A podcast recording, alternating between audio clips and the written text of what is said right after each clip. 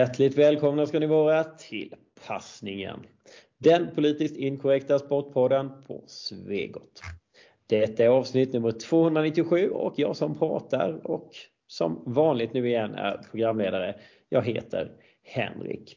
Eh, än så länge är vi en trio här i passningen. Kan bli så att det blir en full kvartett vad det lider. Vi väntar nämligen in Arvid. Men vi kör så länge och då förstår ni ju i alla fall ni trogna lyssnare att förutom mig så har jag ju då Marcus med mig. Tjena Marcus!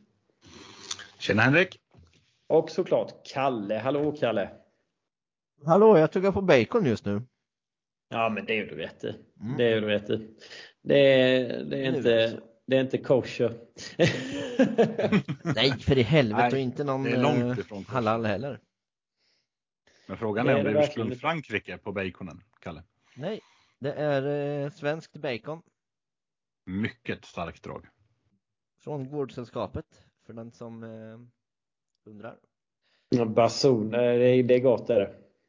Framförallt de från Gårdsällskapet, de är fan som, det är ju riktigt bacon som är fett och det är mycket, det är rökt på riktigt.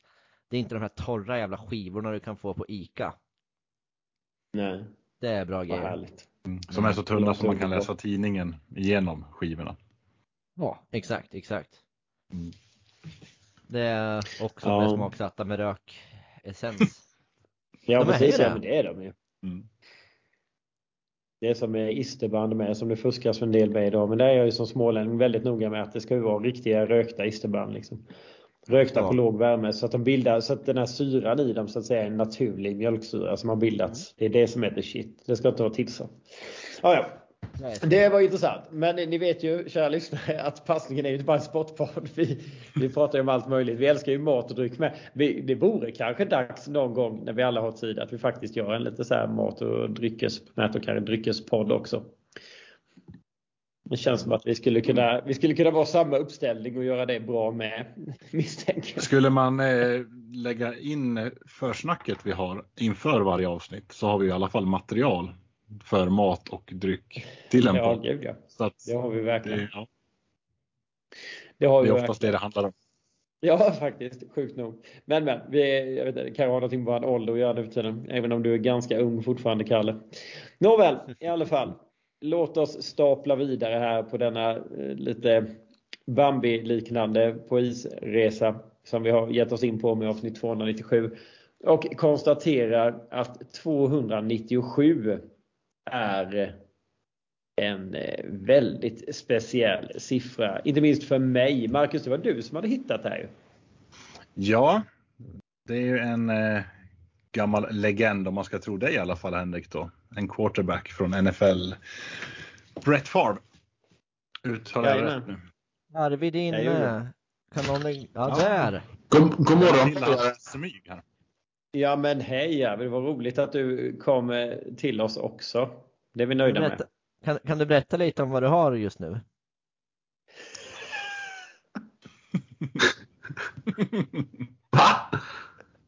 Va? Va, vad var det du skrev i chatten ja. att du skulle, när du skulle komma hit, vad skulle du ha då för något? Eh, bra fråga. Ska jag påminna dig? Ja, du kan påminna. Runk penis, jag tränar volleyboll. ja, men det är en grej här i den här trakten där jag är ifrån. Man sätter ihop olika svordomar till en. Arvid? Gör ni inte så i, gör ni inte så i, i, i, i Finspång? Jo då. men Arvid? Ja? Ditt ljud är bedrövligt. Gå och hämta ja, din faktiskt. mikrofon och eh, hörlurar så behöver vi inte eh, sitta här och skämmas för dig. Jag skäms. Ja, men det är bra. Ja, men vad gött. Ja, men låt oss fortsätta. Ja, vi var inne på Brett Favre. Ja, denna legend bland legender. En eh, fruktansvärt eh, härlig och underbar spelare på många sätt och vis. Men vad var det med 297 där då, Marcus? Ja, alltså när man slår upp den här karln så har han ju enormt mycket milstolpar i sin karriär. Han är ju den första quarterbacken som har gjort 70 000 yards, 10 000 passningar och så vidare och så vidare. Först till 500 touchdowns. Men någonting som sticker ut i min värld i alla fall, det är ju att han spelade 297 grundspelsmatcher i sträck. Och det är ändå i en kontaktsport vi pratar. Ja, och det tycker jag är väldigt imponerande. Att inte ens... Det är extremt imponerande. Ja, och just för en quarterback också där då att någon gång så kan du ja, men få en bristning i axeln eller någonting sånt. Man vet ju pitchers i baseball om man bara tar en referens till en annan sport då, att de, de pallar ju inte det under så lång nej. tid. Så att nej, det är starkt. Är det. Jävligt starkt. Ja, det är extremt starkt. Men man ska veta att han har gjort det här med brutna ben och eh, med, eh, med armar som knappt höll ihop och sådär. Så tittar man på de dokumentärer som finns om Brett Favre så inser man att eh, han hade inte kunnat det om han inte hade fått bra hjälp av väldigt mycket smärtstillande. Och det var faktiskt ett problem för att han blev han var under några år ganska kraftigt beroende av de här smärtstillande och det påverkade honom ganska, ganska kraftigt faktiskt. Han var liksom tablettmissbrukare. Och, eh, men eh, han hade inte gjort 297 raka matcher utan de där tabletterna. Det är, så är det bara.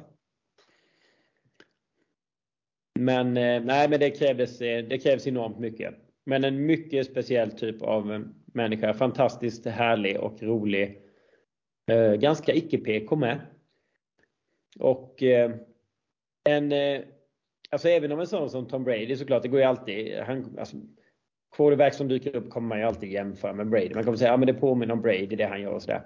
Men eh, Brett Favre är väl en av ytterst få quarterbacks skulle jag säga. Där man, eh, där man liksom verkligen refererar. Alltså om en spelare gör en viss grej att man liksom direkt bara ah, det är en typisk Brett Favre-grej. Så här.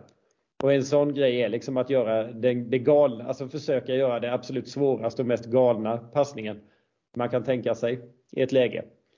Och eh, det är också därför Brett Favre har det bland det kanske roligaste rekordet i NFL, nämligen att han har kastat 336 interceptions. Och det är också en sjuk siffra att, eh, att göra. Men otroligt häftigt faktiskt. Det, det är inte riktigt i närheten. Nej, det är skitroligt alltså. Eh, men det var så. Spelar man på det viset han gjorde Ja, då kommer, då att, kommer man eh, kasta så brutala mängder interceptions också. Ja, men precis. Det, det, får, man, det får man räkna med.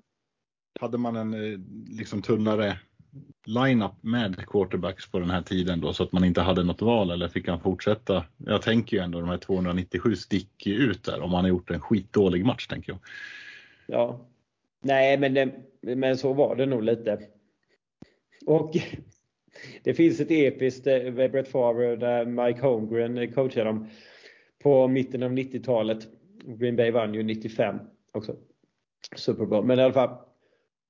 När, eh, när Brett Favre då håller på, han har kastat alltså fem interceptions typ på två quarters och eh, Mike Harvey bara, alltså jag är ledsen Brett men nu får, nu får du sätta den liksom. Du, du får starta i nästa match sådär som vanligt. Men du, du får, den här matchen spelar inte du klart liksom. Det märks, du är, du är inte med riktigt.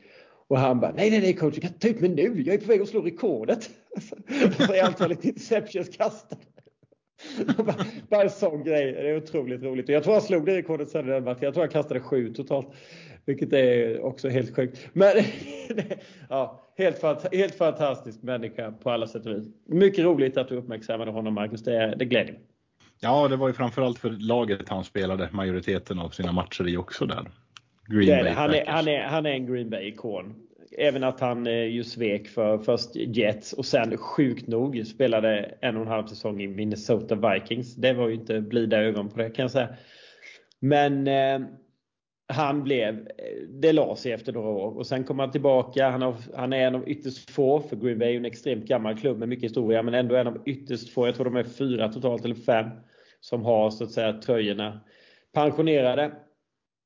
Och han är en ikon. Och eh, kommer alltid vara älskad av oss Packers-fans. Coolt! Ja, 20 januari har vi också någonting på vad kallar det är ju datumet när denna, detta nummer av passningen släpps. Ja, jag har tre små saker. Ehm, den första är ju att eh, den största mutkolven i svensk historia kanske, eh, en av de största, Lars-Åke Lagrell föddes och honom gratulerar vi inte.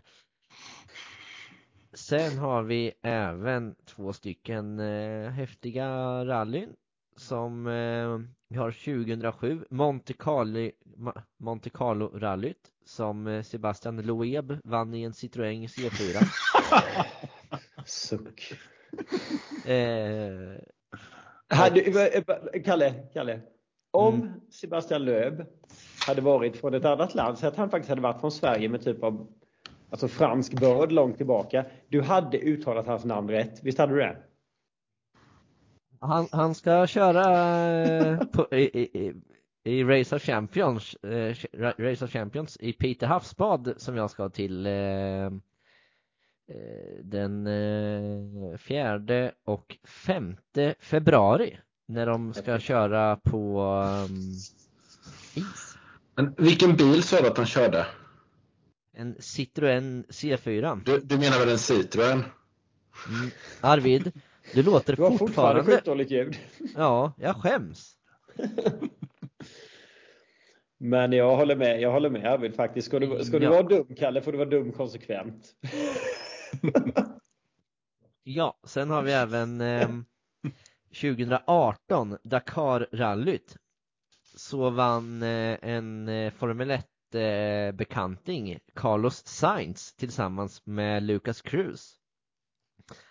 Och Carlos Sainz är ju alltså, kör i Ferrari och eh, var Ferraris bästa förare för, förra året och det är många som tror att Carlos Sainz, skulle han få en bra bil så har han alla chanser i världen att kunna bli världsmästare, det är många som tror. Eh, men eh, Dakar-rallyt var han duktig i alla fall, 2018 och vann. Så det var vad vi hade på på det. Ja men det är väl skitbra. Låt oss gå vidare. Arvid, du får du bara... Arvid är Han är inte borta. ens här. Ja, Han har han- ett nytt han- headset. Jag tror han hämtar en mikrofon kanske. Ja. Det gör han ju rätt i i så fall. Det gör han det rätt i så fall. Nej, jösses. Nej, men låt oss gå vidare. Jag vet ju att det här är en av Arvids favoriter vi ska prata om nu, så jag hoppas Arvid är snabb tillbaka. För att eh, veckans bästa, där har jag bara skrivit van der Poel är cool. Det stämmer.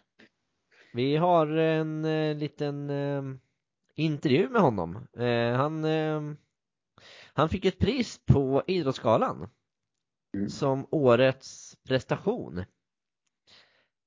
Och eh, Expressen frågar honom eh, varför han inte var där. Nej, han låg och sov.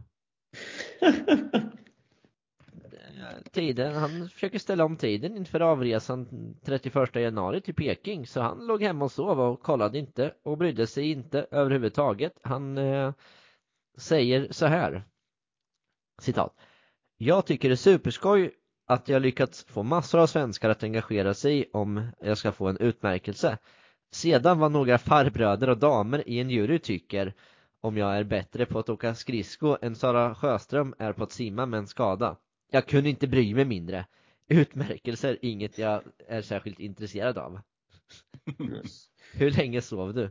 Jag sov eh, till klockan var ett på natten. Sedan vaknade jag och såg att det kommit massa meddelanden på mobilen. Jag tänkte att jag säkert vunnit något. Sedan somnade jag om. Jag vaknade igen klockan tre. alltså, den här killen är ju en sån jävla härlig råautist. Mm. Han är Alltså- extremt fokuserad på det han gör och det är liksom bara det. men Det märks ju, han skiter i utmärkelser och sånt men däremot så är han nog väldigt intresserad av guld liksom i, i OS och sådär. Ja, det han, han tyckte det var smickrande att folk röstade på honom i Jerring- Jerringpriset också. Ehm, och sen säger han också eh, Jag behöver inte att folk berättar det för mig eller ställer, ställer mig på en upphöjd sten. Det var, det, var, det var inte därför jag ville göra det. Jag har fått två medaljer och ett diplom för mitt världsrekord på VM som bekräftar det jag gjort. Det är, klar, det är såklart kul att juryn ville dela ytterligare, ut ett ytterligare ett pris för att visa att de uppskattar det. Men min tidsomställning till Kina var viktigare än att följa galan. Det är så jävla bra. Han- är verkligen är en så bra. udda fågel. Det är han och han ber inte om ursäkt för sig heller. Nej, och jag tror han skiter fullständigt i uppmärksamhet allting. Han, Han ska vara, han vill bara vinna. Ja, nej, jag, jag, jag beundrar honom. Jag är väldigt svag för honom. Kan säga. Jag har inte mm. tittat mycket på skridskor, men är det någonting jag kommer följa faktiskt under OS här nu så är det faktiskt skridskotävlingarna. De har ju helt plötsligt blivit väldigt intressanta. Ja, ja, det är verkligen. Och det är väl inte alls osannolikt att tro att han eh, tar ett guld. Nej, han har, väl, han har ju såklart jättebra chanser på det. Och kanske ett OS-rekord. Ja. Eller två. Omöjligt. Det vore det fantastiskt vore... häftigt. Ja. Det vore himla häftigt. Men en riktigt, mm. eh, en riktigt eh, skön snubbe. Kanske inte riktigt lika sköna snubbar huserar i Afrikanska mästerskapen och eh, då tänker jag mest på domarna där. Veckans värsta domarinsatserna i Afrikanska mästerskapen. Vad är det som har hänt där nere på den sydligare kontinenten sett från oss? Oj, det är väldigt mycket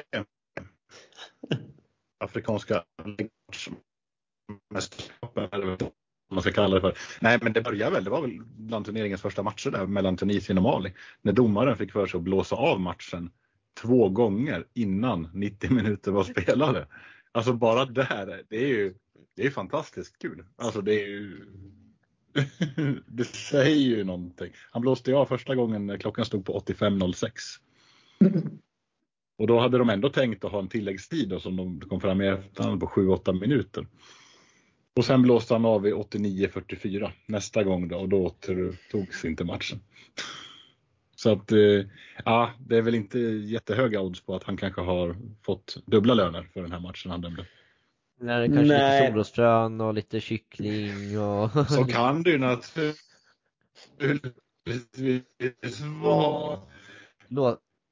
Ditt internet är inget bra Marcus. Nej. Det är ju att... apropå både mutgolvar och dåligt ljud. Dumt. Ja, eh, Mark Marcus, vi hör inte vad du säger så... Eh... Nej men det är för att jag är tyst nu Kalle. Nej men, nej, men vi, vi hörde knappt vad du sa under tiden heller. Du får ta det igen. Jag vill ja. uppmärksamma församlingen på att Erik Nord har konfiskerat min kabel till mikrofonen. Aj då. Ja, det kunde man ju tänka sig. Eh, jag, jag trodde däremot att det var Lars-Åke Lagrell som faktiskt fyller år dagen vi eh, eh, släpper det här. Ja, han kom tillbaka från de döda för att stjäla, äh, stjäla Arvids mikrofonkabel. Som, som, som, vi, som, vi, säger, han är inte död. Nej, nej just det. Så är det Nu har jag fått upp stapeln på mitt wifi en, ett mm. hack till här när jag slängde antennen på backen. Hörs det? Ja, men det, det är låter bättre. bättre. Då kanske antennen ska ligga där i fortsättningen. Mm. Ja men vad var men, det då? En äh... väldigt konstig avblåsning i eh, matchen där. Mm. Ja men det var två konstiga avblåsningar. Eh, den första avblåsningen skedde ju när de bara hade spelat 85 minuter. Mm. Lite drygt då. Och nej, domaren tänkte att nej men matchen är slut. Mali leder med 1-0 mot Tunisien här så att vi ska gå hem. Och det höll ju inte riktigt. Så att han blåste igång matchen igen men blåste av den igen då vid eh, ja, 89, nästan 90 minuter då. Och sket i de här 7-8 minuters tilläggstid som normalt hade blivit då, om man pratade med fjärdedomaren. Då, så att det, det som slår mig är att den här domaren då, Janni Sikazve, eller någonting. Han har ju dömt två VM-matcher 2018 också då, så att han måste ha någon form av merit. Eller så får man gå tillbaka och kolla vilka matcher det var han dömde. Ja, eller ja, det kan ju också vara så här. Alla förbund måste ju bistå med domare. Det kanske är, kan, kan ju vara så, jag ska inte vara fördomsfull här inte, men det kan ju vara så att vissa förbund kanske har lite sämre domare än andra. Jag vet inte. Ja, men för... han, han kanske var den bästa av de sämsta menar du? Ja, ja det bästa. Men jag vet inte.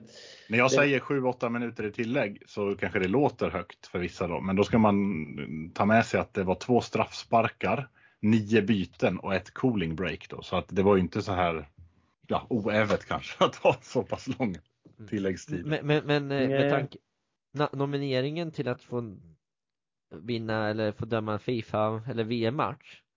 Kan det inte varit så att han eh, erbjöd förbundet lite bananer och sånt för det också för att muta till sig att få döma.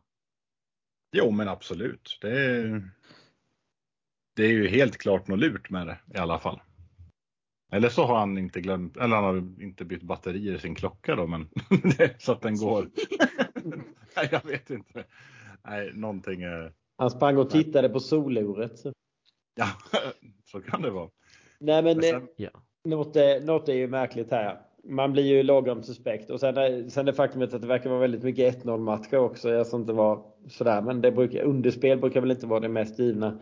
Eh, nej, det, det luktar lite det luktar lite illa tycker jag. Sen har, vi en an, sen har vi en annan eh, match med en dundertabbe från målvakten som gjorde att det blev eh, 2-1. Ja, just det. Eh, där eh, målvakten fastnade med högerknät i gräset och stod på näsan så att han tappade bollen. så att eh, Sierra Leone-anfallaren Alhaji Kamara kunde slå in bollen jättelätt så att det blev 2-1. eh, och den som känner igen Alhaji Kamara så har han ett förflutet i både Djurgården och IFK Norrköping. Och vi har en liten, jag har en liten kul detalj om hur han firade sina mål. Han eh, la sig på magen, rätt upp och ner bara. För eh, om han ingen inte gjorde... Ingen Klinsmann-dyk eller någonting? Nej, nej, nej, utan han, han la sig bara på magen för Eh, han, eh, när han firade annars, han kunde inte hejda sig från att slita av sig tröjan för att han blev så glad så han åkte på ett par gula så sen sa Janne, ajabaja, lägg dig ner på magen så du inte gör det här igen.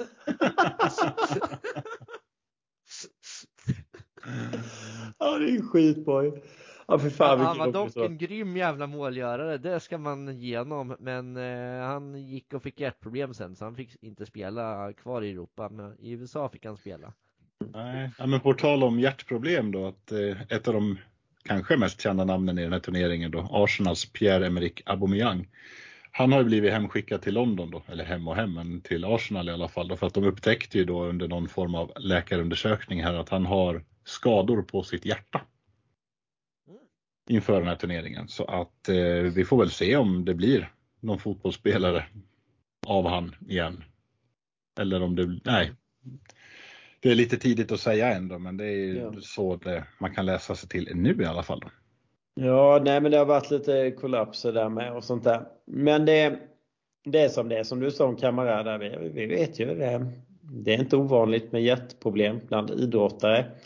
Men vi har ju konstaterat flera gånger att eh, det kanske inte bara rapporteras mer, men det har rapporterats om väldigt mycket mer än vad man är van vid. Och det fortsätter. Det fortsätter. Ja, afrikanska mästerskapen verkar lite små suspekta kan vi definitivt konstatera. Och jag vill bara ha sagt att eh, Kamaras hjärtproblem var typ 2016, så det var ju långt innan eh, vacciner vaccineringen så att säga. Jajamän. Och det var han ju inte, och liksom, han är ju inte den enda som har haft hjärtproblem i historien som spelar fotboll. Nej, nej, nej på något sätt. Men men, men men. Låt oss gå vidare då och eh, ta lite kort om en annan sorts fotboll, nämligen den amerikanska. Och eh, nu återstår bara åtta lag i slutspelet. Wildcard-rundan är över. Och eh, jag vill bara, som alltid, vill slå ett slag för de vita spelarna i NFL konstatera att eh, 7,5 av 8 quarterbacks som nu är vidare är vita. Och den halva då är Mahomes som har en svart pappa och en vit mamma. Eh, quarterback i Kansas City Chiefs. I annat fall så är det idel vita quarterbacks som har tagit sina lag vidare. Himla roligt! Speciellt efter så många år av eh, det här kastsystemet som mer eller mindre är eh, ja, det är ju ingen hemlighet egentligen.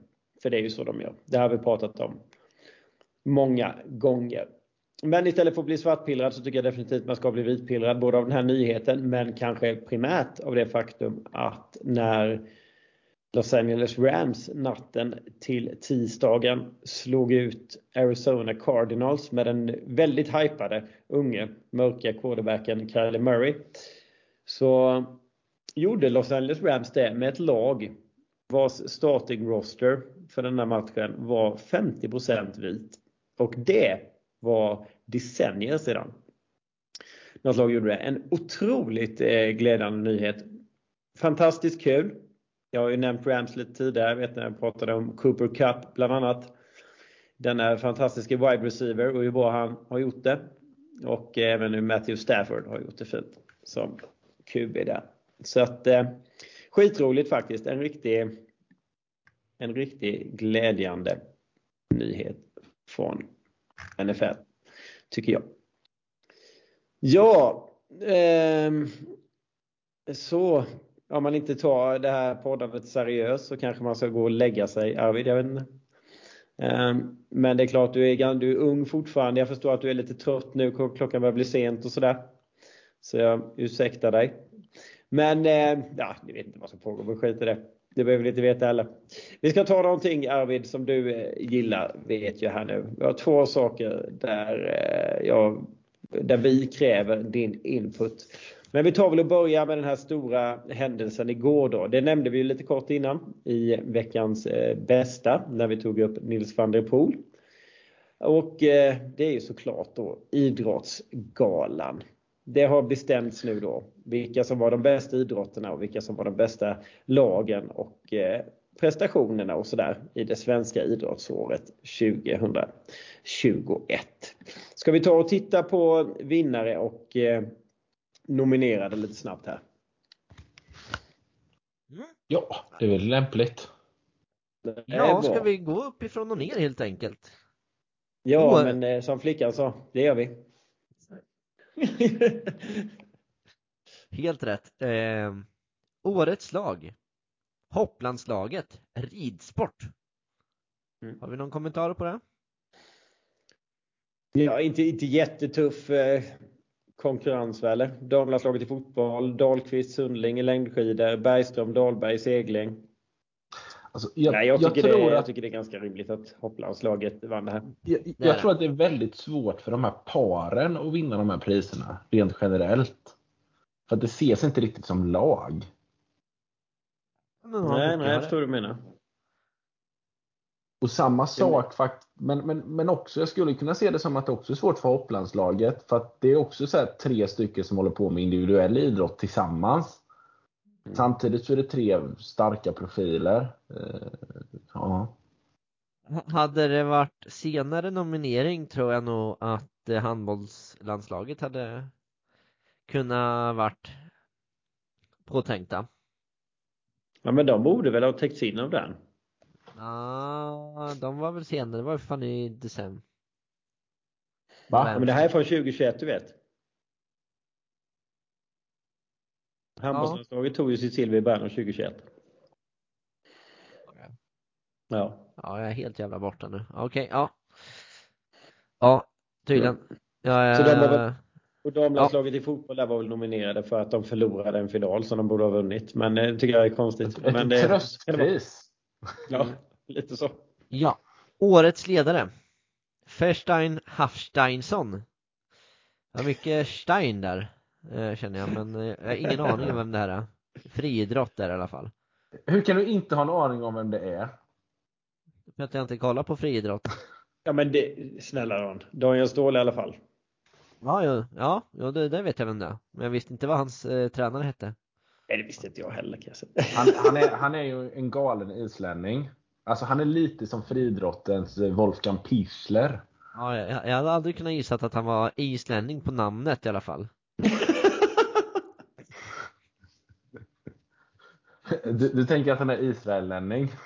ja, det hade det också kunnat varit.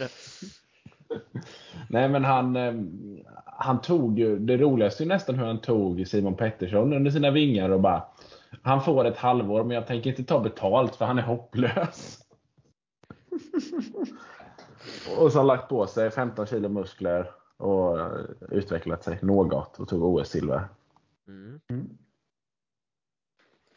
Riktigt häftigt. Ja. men, eh, om det är den utvecklingen han lyckas få sin idrottare, den här Westein, så är han nog fantastiskt eh, bra.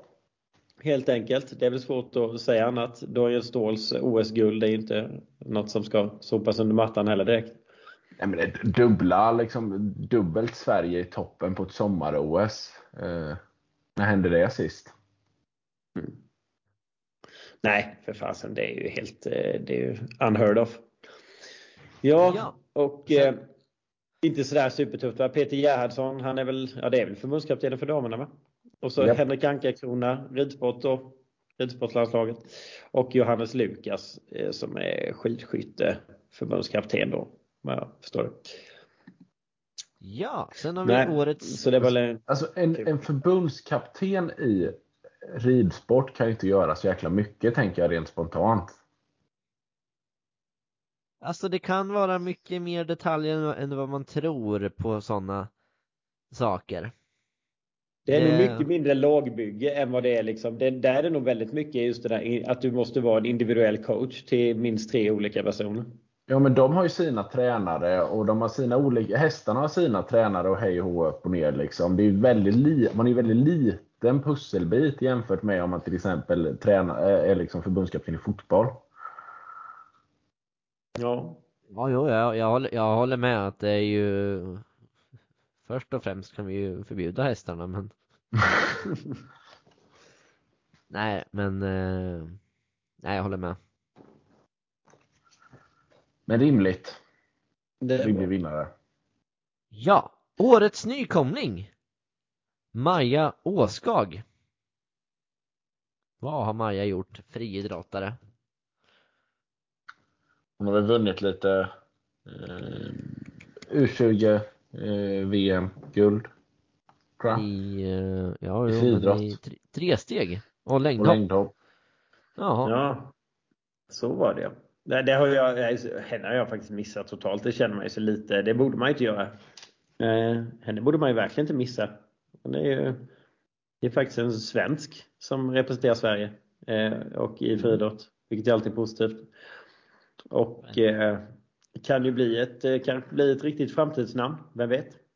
Mm. Ja. men Sverige har några bra unga eh, Liksom så. De, de, har ofta det. De hade ju för ett par år sedan var det en tjej som hette Tilde Johansson i längdhopp och häcklöpning för 2001. Men det har liksom stagnerat.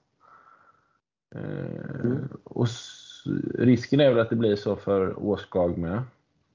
Mm. Hon får helt enkelt ringa Westein Haftingsson och få lite coachning. Ja, mm. jag, får, jag känner inte till jättemycket av de andra heller. Oliver Magnusson i freeskiing, Maja Stark i golf och Ebba Åsjö i para-alpint. Det är inga namn Satan vad parasporten tar eh, mark i... Eh, ja, vi tar det vid mm. Sportspegeln-priset Arvid sen. jag tycker. Eh, ja, årets prestation en eh, passning, mm. en favorit som vi eh, snackade om precis innan. Nils van der Poel. Mm. Som inte bryr sig ett skit om det här priset. han inte bryr sig mindre, han låg och sov. Ja. Ja. Har vi något mer att säga om det Arvid? Ja men en, en stjärna. Ja. Vårt största eh, hopp i OS. Ja verkligen och en eh, och eh, guld värd för att han är den han är också. Det uppskattar mm. vi. Det uppskattar vi. Anna Nordqvists eh, seger i British Open är golf, hopplandslagets OS-guld och Sara Sjöströms eh, OS-silver där i simning. Men skadad arm var väl eh, eh, konkurrenterna. Men eh, vi är mycket glada för Nils van der Poel såklart. Och jag tycker att han var en väldigt värdig vinnare. Ja, årets storsidrottare. Tove, Tove Alexandersson, orientering. Det är väl inte första gången Arvid va? Hon prenumererar ju på de där priserna.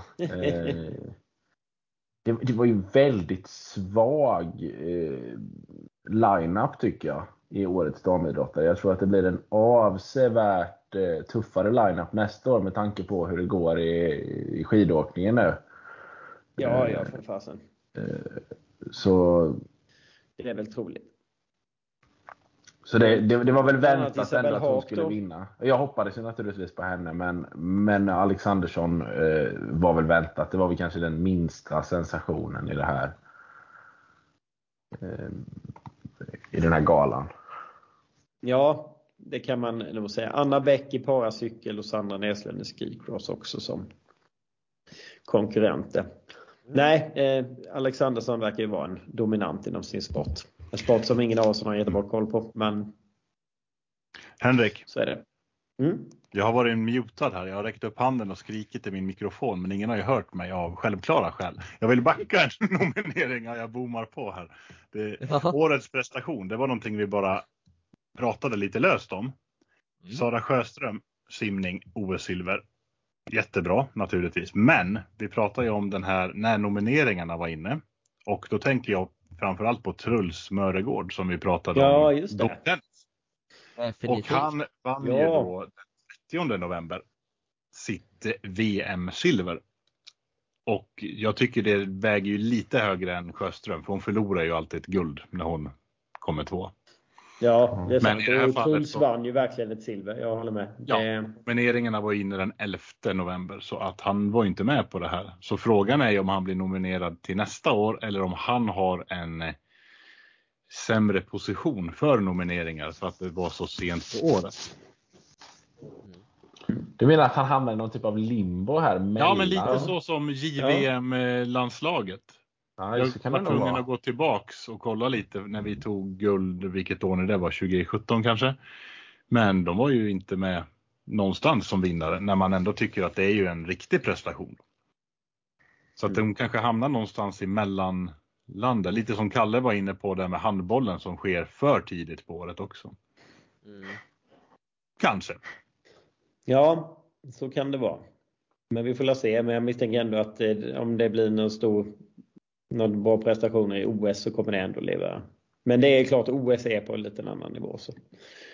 Mm, jag vill i alla fall lyfta upp Truls. Ja, men ja, jag, jag, tycker eh, van der Poel är värdig vinnare trots att han inte bryr sig. Um, ja, årets manliga idrottare då? Mm. Här är ju stenhård konkurrens faktiskt tycker jag. Det är det. Armand Duplantis. Mm. Det känns väl rimligt ändå att han är årets manliga idrottare med tanke på hur han dominerar allting. Han Några gör... världsrekord, lite OS-guld och sådär. Ja, det är, och det väger rätt tungt. Ja. ja, just det, det med. Det gör han. Det är inte... Ja, det väger ju rätt eh, tungt. Mm. Kanske för att båda är sponsrade av Red Bull, men... Ja. men vad hade han för konkurrenter då?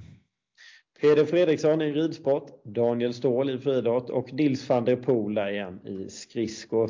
Så det där är, Arvid, där fick du en eh, tuff lineup. Ja, eh, som sagt, till skillnad från damernas så eh, alltså det hade väl varit, man hade kunnat ta allihopa. Eh, I alla fall van der Poel, Ståhl, Duplantis. Ja, Fredriksson alla. ska ju inte underskattas heller. Men ett lag, eh, lagguld i OS och ett individuellt silver, det är, det är jädrigt starkt med. Ja, men, men det var ju ett silver. Ja. Det är inget guld. Mm. Nej, bara i lag då.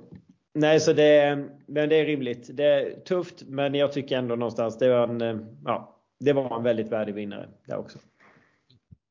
Sen har vi Sportspegelpriset där Filip Jönsson eh, tagit eh, guld i eh, krymplingskytte. Paraskytte, eller vad heter det? Ja men, ja, men jag vill ju lyfta fram hans eh, egenskaper. Åh oh, herregud. Ja det är bra Galle, du är en väldigt inkännande och empatisk person. Det, det är kul att, att höra att du är det. Ja, ja Filip Jönsson, ja. Men eh, ja, här har vi det. Du sa att paraidrotten får väldigt mycket uppmärksamhet Arvid. Mm. Ska vi ta vad Filip Jönsson gjorde, först, vad han har för åkommor, så kan vi ta. Sen. Ja, det är väl rimligt. Ja. Eh, han eh, har ju alltså en väldigt ovanlig eh, muskelsjukdom som gör att hans muskler försvinner till fett. Han är 27 år gammal och vet inte hur länge han är till han kan leva men han älskar skytte tydligen så uh, han behöver hjälp med precis allting han gör för han kan typ inte ens knyta skorna själv men han kan skjuta pistol som fan. Riktigt bra. Så det var, det var han har gjort och vann väl, eh, vad var det han vann? Var det OS-guld eller vad var det han vann? I Paralympics? Ja, han vann ju Paralympics guld. Sveriges han enda. Väl, ja, Sverige, ja, Sveriges enda guld va? Exakt, exakt. Så det är en eh, väldigt imponerande insats. Det är det mm. verkligen. Häftigt. Ja, men, men varför men, fick han priset då? Jag vet inte vad Sportspegeln-priset är riktigt, men det var väl det delas ut, men så här, det delas ut till en idrottsman, idrottskvinna eller lag som i tävling utfört en anmärkningsvärd prestation under året som gått och som genom sin insats betytt mycket för sin sport. Så det är någon typ av kombinerat bragd, guld och eldsjälspris eller något sånt. Mm. Kanske. Ja det, ja, det skulle man väl kanske kunna påstå att han har gjort. Att han är så engagerad och han knappt kan knyta skorna med sina muskler men ändå kan skjuta så men, pass Men det som är så mäckigt med Paralympics det är ju det ändå, jag tänker att det är svårt att ha en paralympier som för, för det, är ju, det finns ju tusen olika klasser liksom. Mm. Alltså, det är världsskjutare. Ja, men, ja, men säg att någon, ja, men inte bara det utan du vet det är olika nivåer på handikapp. Du vet det är, det är blindpingis och det är ingen armpingis och det är det ena med det fjärde. Mm. Så det är liksom, jag menar håller vi på med en sport och någon tar VM-guld, ja, då blir ju det en förebild. Men jag tänker, håller man på med blindtennis, blindtennis och så är det en liksom rullstolstennis som vinner, blir det en förebild på samma sätt då? Mm. Nej, jag förstår hur du menar. Men, där, tycker jag väl, där tycker jag väl typ rullstolsbasketen har gjort en bra lösning att de eh, klass, klassificerar 1 till 5 om jag minns rätt och sen får du bara ha ett visst antal poäng. Ja, men så är det, så är det nog i, typ i volleyboll också. Uh. Ja. Och där kan du ha en femma som är liksom eh, helt den, den behöver inte ens vara krympling liksom utan du, du kan ja. ha en helt, du, du, du, skulle kunna ställa upp i, eh, i den om du var tillräckligt bra och... Får, får räknas, re, kvalificera autism för Paralympics, Kalle? Det har jag svårt att tro. I så fall kan Nils van der Poel ta guld där med. Så, kan vi konstatera. Men det, ska, det, det, är ju snarare så att det ska lyftas fram som en eh, egen superkraftsgren. Ja, absolut, Kalle. absolut. Jag, eh, jag klappar dig virtuellt lite på huvudet här nu. Tack. Det här är naturligtvis en stor fråga för eh, inkluderingsgänget här. Tydligen Athletes with intellectual disability battle for Paralympic space. Så tydligen är det en fråga. Ja men det var väl Special Olympics eh, som vi ja, kom fram till någon gång va? Precis och så Ja, jag vet inte. Nej, men det, det är intressant hur som. Ja, eh, det är väl, det är väl bara, eller är det två grejer kvar här nu lite kort att kalla va? Eller? Ja, en kvar. Eh, om inte Arvid vill ha något mer att säga om eh, Nej. bara... Nej. Jerringpriset har vi kvar. Men bara guldet då? Den det räknas fan. inte. För det delades Nej, okay. tidigare. Ja, ja, då räknar vi bort det, ursäkta. Exakt. Då, Folkets pris. Jag såg att näst flest röster fick van der Poel, men de som eh, vann, ja, det var sin lilla säck där, eller inte så liten, som eh, mobiliserade igen. Hopplandslaget. Ja. Men eh, det är nog inte så tokigt egentligen. Alltså för att, eh, visst, eh, Daniel Ståhl kanske eh, jag kan tycka. För jag menar, du, får titta på lite Järvpriset om du ska tänka så lite folkligt. Eh, väldigt många uppskattade det Daniel Ståhl gjorde. Både under tävlingen och efter tävlingen i OS. Och han är en karaktär som många tycker väldigt mycket om. Han tog ett väldigt viktigt OS-guld. Han, eh, han är liksom folklig. Men eh, att det har lite röster så att damlandslaget i fotboll kanske inte fick det då. Det, jag tror faktiskt inte, ska jag vara riktigt ärlig så tror jag det var fler personer i Sverige. Jag har ingen aning, jag har inte sett någon form av siffra på det. Men som faktiskt följde eh, finalen i eh, laghoppning i, eh, i OS än vad det var som faktiskt såg Sveriges eh, damer spela fotbollsfinal. Jag tror fan ja, det. det. Det är också lättare att se hela hoppningen. Det 39 sekunder liksom. Mm. Ja, ja, men själva ja. tävlingen är ju lång. Det tar ju, ja, det tar ju längre tid än en fotbollstävling. Men liksom, ja, det är ju sant. En fotbollsmatch. Här har vi, jag har lite antal röster här. Totalt lades det 354 000 354 200 3, ja, 354 000 röster. Hopplandslaget fick 112 000 av dem. Men Nästan en tredjedel då. Får man rösta? Nils fan. Ja, fortsätt. Får man rösta med app och grejer nu för tiden? Ja. Så att liksom ja, ja, ja. kidsen kan göra tusen röster. Ändå låga röstantal. Det är det jag menar. Jag tyckte det var lågt röstantal. Ja. Mm. Ja, 350. När du sa 354 trodde jag skulle säga 354 miljoner. ja men för typ, om man tar Melodifestivalen. Antal röster. Så är det ju många miljoner typ. Mm. Ja, men... Eh... Vinnaren ja. 1 610 000 röster liksom. Ja, men Nej, eh, fel. jag vet inte. 2 964, alltså det är helt sanslöst. Okej, det är typ 6 miljoner röster där totalt då. Ja, precis. Eh, det låter ju ja. helt orimligt i och för sig, men okej okay då. Ja, men du ja. vet, alla får hjärtrösta fem gånger och hej och hå. Ja, så är det. Sen tvåa i Jerringpriset kom Nils van der Poel på 86 000 röster. Sen trea Tove Alexandersson på 54 000. Resten har de inte ens skrivit ut men Därefter var det Armand Duplantis, Daniel Ståhl, damlandslaget, Jonna Sundling, Filip Jönsson, James Blomgren, Isabelle Haak, Anton Dahlberg, Fredrik Bergström och Anna Nordqvist och Martin eh, Pen Pensulima fick Förvånande att Anna Nordqvist kom så jävla långt bak. Ja, och Efter en bowlare liksom.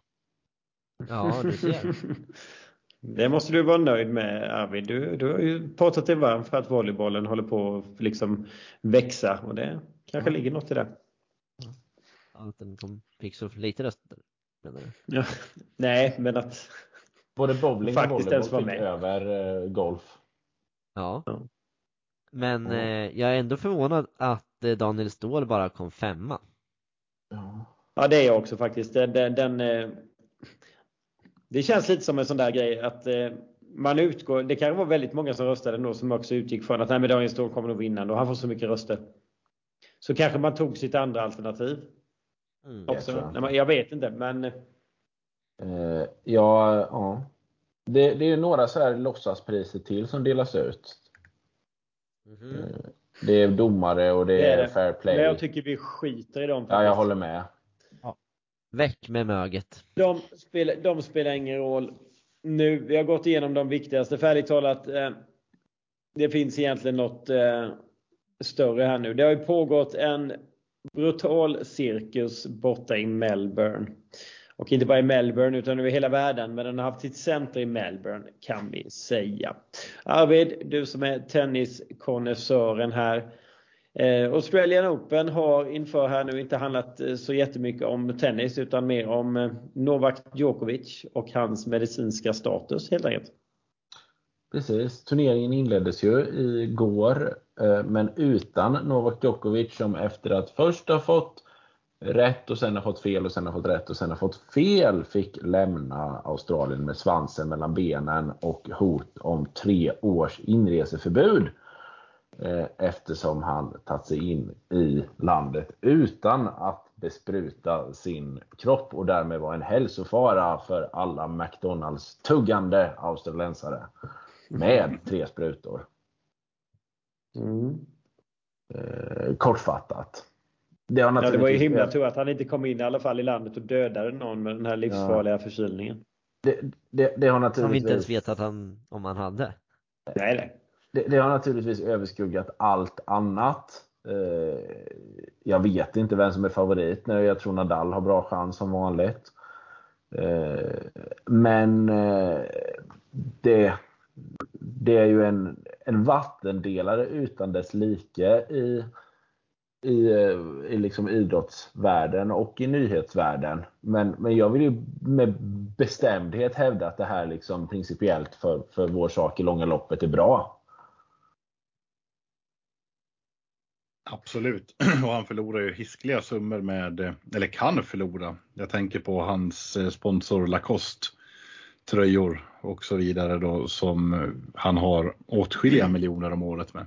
Ja, ja, ja. Som han riskerar att bli av med nu då.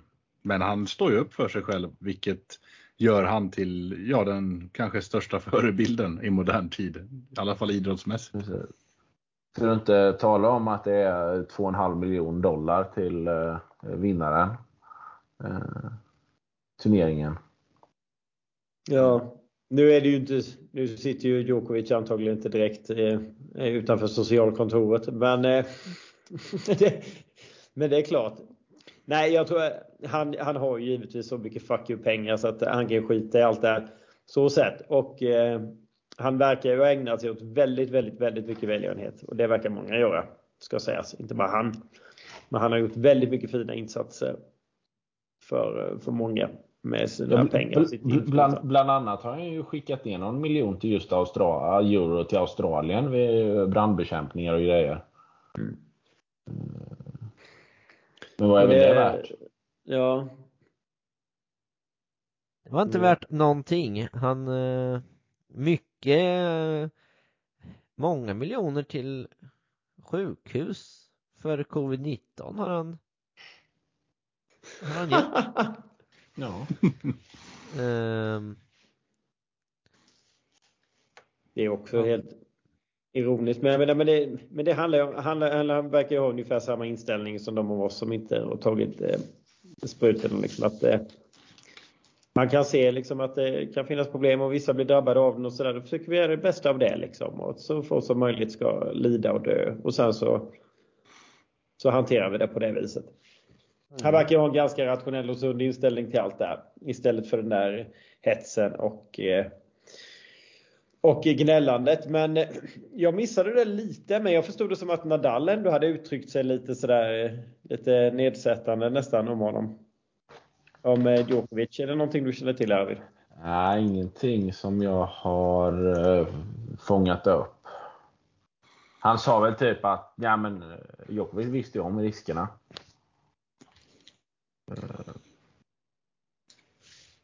Men, det kanske inte var värre än så då. Jag är inblandad att han hade sagt eh, typ lite att eh, Djokovic liksom, eh, ja men lite sådär att ja, men är man dum får man skylla sig själv eller sådär. Men det kanske inte var på den nivån riktigt då. Mm. Men tror du att han kommer missa Franska öppna också som troligtvis kommer kräva vaxpass? Oh, sannolikt, men Eh, Eh, för att, för att återknyta och förtydliga mitt ställningstagande. Jag tror att hela den här grejen att han har blivit utkastad och att Australien har stått fast vid sina regler också är bra principiellt för våran sak. Eh, eh, med lite tidsperspektiv på det hela. För det visar liksom på hur bisarrt det här är. Och att det verkligen är no pardon till skillnad från när det kommer flyktingar och grejer. Då har man tusen ömmande skäl. Men här då är det nej, alla ska ner. Och det blir så tydligt. Jag tror att många liksom vaknar. De vaknar av att det här händer. Jag tror inte det Arvid. Jag hörde, överhörde två boomers som eh, pratade om det här. Och de tyckte det här var jättebra att eh, han ska väl för fan inte få komma in till Australien och sprida den här jävla smittan. Jo, jo, men du kan ju inte, du kan inte ta boomers som pratar som en, liksom, eh, ett genomsnitt av befolkningen. Det är ju de som är tysta som tycker okej. Okay. Ja, alltså, jag, jag, jag tror faktiskt fler än alltså, vad du tror tycker det här är bra. Det, det, jag tror att många tycker att det är bra, men jag tror inte att det är någon som är så att säga eh, som är pro-vaxxer som blir mer eller så här, eller så som blir, alltså jag tror bara att det kan ändra inställningen åt vårt håll, inte åt andra hållet. Jag, jag är inte säker, jag är inte säker. De, de, de ser snarare... Däremot om de hade släppt in honom så hade det blivit så jaha, vi behöver mer regler, mer restriktioner, det måste vara tydligare, det får inte vara några undantag. Och så hade det blivit ännu, alltså då hade det varit den linjen istället som hade fått bränsle. Ja, nej men jag tror nog att eh, om det hade skett förra året, då hade det varit Eh, inte den här nyheten. Nu är det ju en förkylning som sprids. Det visste man ju kanske inte på samma sätt om vi backar ett år. Då var det ju andra varianter och folk var ju kanske lite mer sjuka. Så att jag tror nog du har en poäng där Arvid, kanske att folk ser just i det tid, tidevarvet vi lever nu att eh, det här är ju bara dumt. Jag hoppas det i alla fall. Ja, och, och, och, och sen ska vi bara liksom vara rationella. Alltså, vi vet nu att vaccinet inte hjälper mot någon smittspridning. Och han har nog fan råd att betala den dyraste jävla sjukvården de kan eh, han, ifall han skulle bli riktigt sjuk i Australien. Han skulle kunna betala ett privatjet för att ja, bli vårdad någon annanstans i eh, något, på något fint ställe. Han, ja. han skulle inte ha några problem alls att göra det. Det finns inga skäl. Förutom det Australien faktiskt gav som skäl. Att det kan just få folk att tänka. Att man inte behöver vaccinera sig. Det var ju faktiskt deras officiella skäl, det var det ju. ja, det hade varit en annan femma om vaccinet hade fungerat. Och att det var inte en käft i hela Australien som hade fått det. Eftersom typ alla är vaccinerade. Men det är inte verkligheten. Så att det blir ju bisarrt i den aspekten också naturligtvis. Ja, en riktig cirkus. Den, men, eh, men den har varit jättebra. Jag tycker många har eh, bekänt färg och det är, det är bra med sånt här. Djokovic eh, pappa målade ut honom lite som kanske den nya Messias. Det var, det var, det var inte dåligt vad han bredde på i en presskonferens om hur viktig hans sons ställningstagande var. Kanske lite överdrivet, men som vi konstaterade, det är ändå viktigt.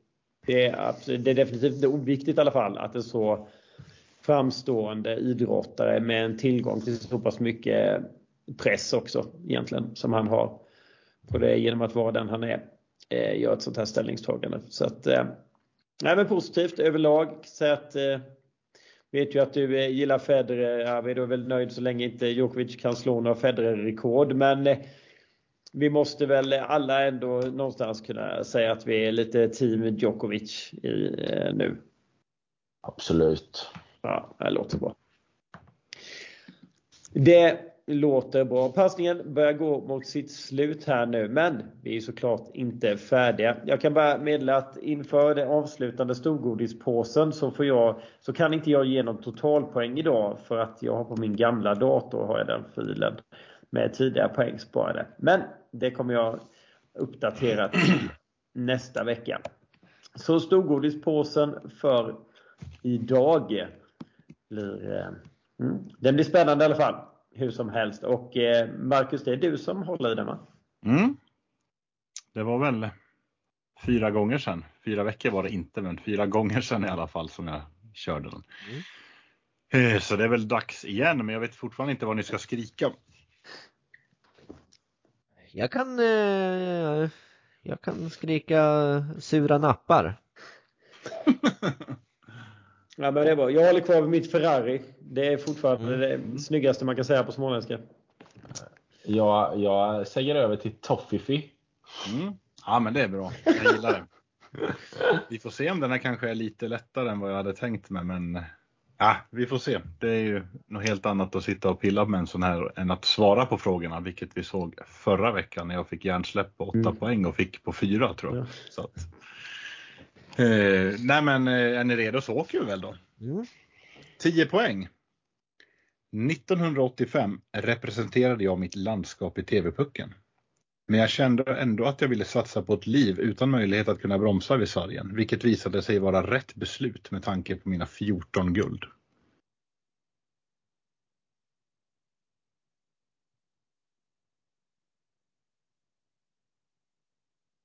Åtta poäng. Med sex individuella VM-titlar är jag inte van vid att bara vinna ett silver. Tyvärr hände detta mig sittandes i en Porsche 2009. Men som plåster på såren så fick jag ett fint jobberbjudande och började sälja bland annat cigarrer i Östeuropa samma år. Toffifi. Då vill jag ha någonting. Det här är en chansning. Jag, jag, jag, har, jag har en på hjärnan. Jag vet inte om jag ska Ah, fan. Nej. Ah, eh, jag, jag kör su, sura nappar. Det är dumt. Mm. Um. Jag har fått ett svar av Arvid i alla fall här. Som plingar in. Så han är godkänd på 8 poäng om det skulle vara rätt då. Och så fick jag ett svar av eh, Kalle här också. På 8 poäng. Så vi får väl se då, men vi går vidare. 6 poäng. Trots min fluga, stora snus och blanka skor så lyckades jag inte vinna den där tävlingen på TV4. Men jag är inte bitter då tävlingen resulterade i att jag fann min fru. Ja, Ferrari.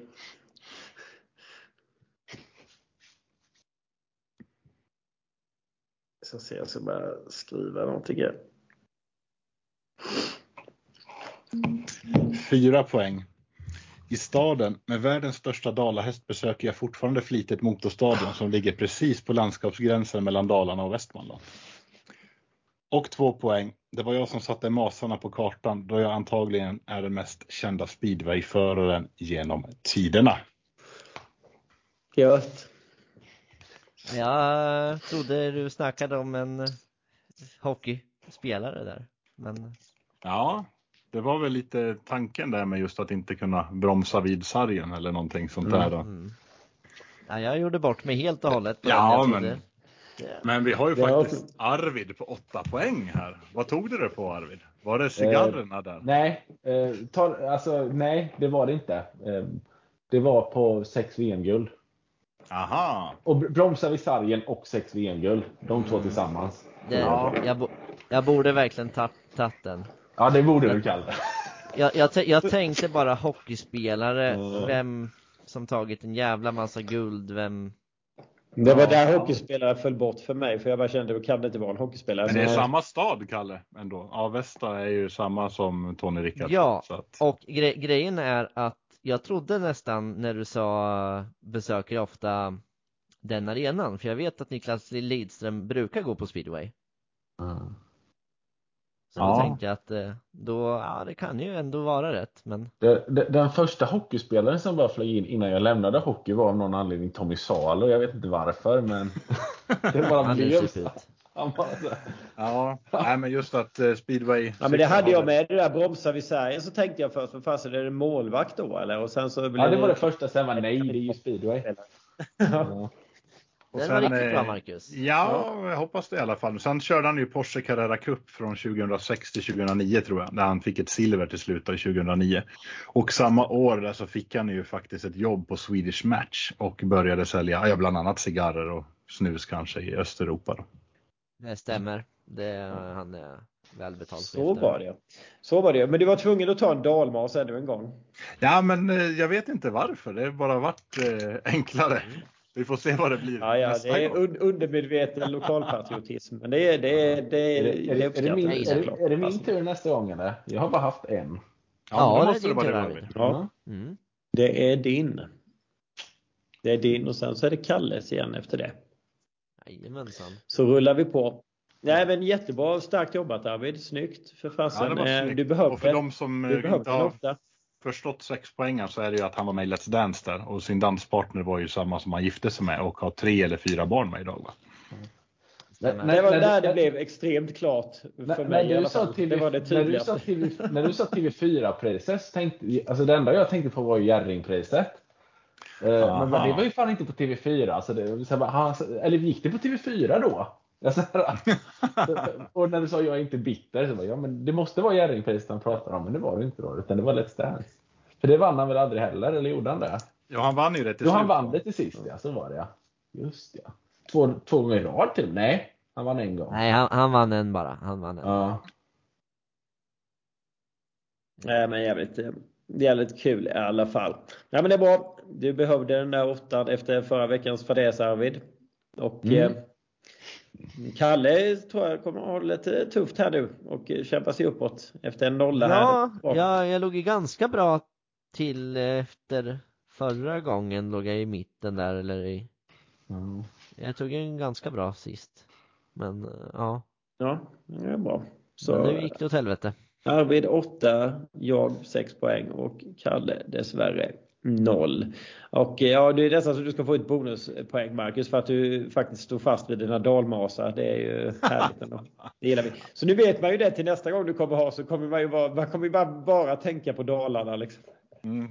Nu kommer en skåning direkt. Ja precis, oavsett vad du säger. Om du skulle börja med att säga liksom att född i Simrishamn, ah, han, nu luras han, nu luras han. Ja. Det är någon som flyttat till Dalarna efter ett år. Ja, herregud.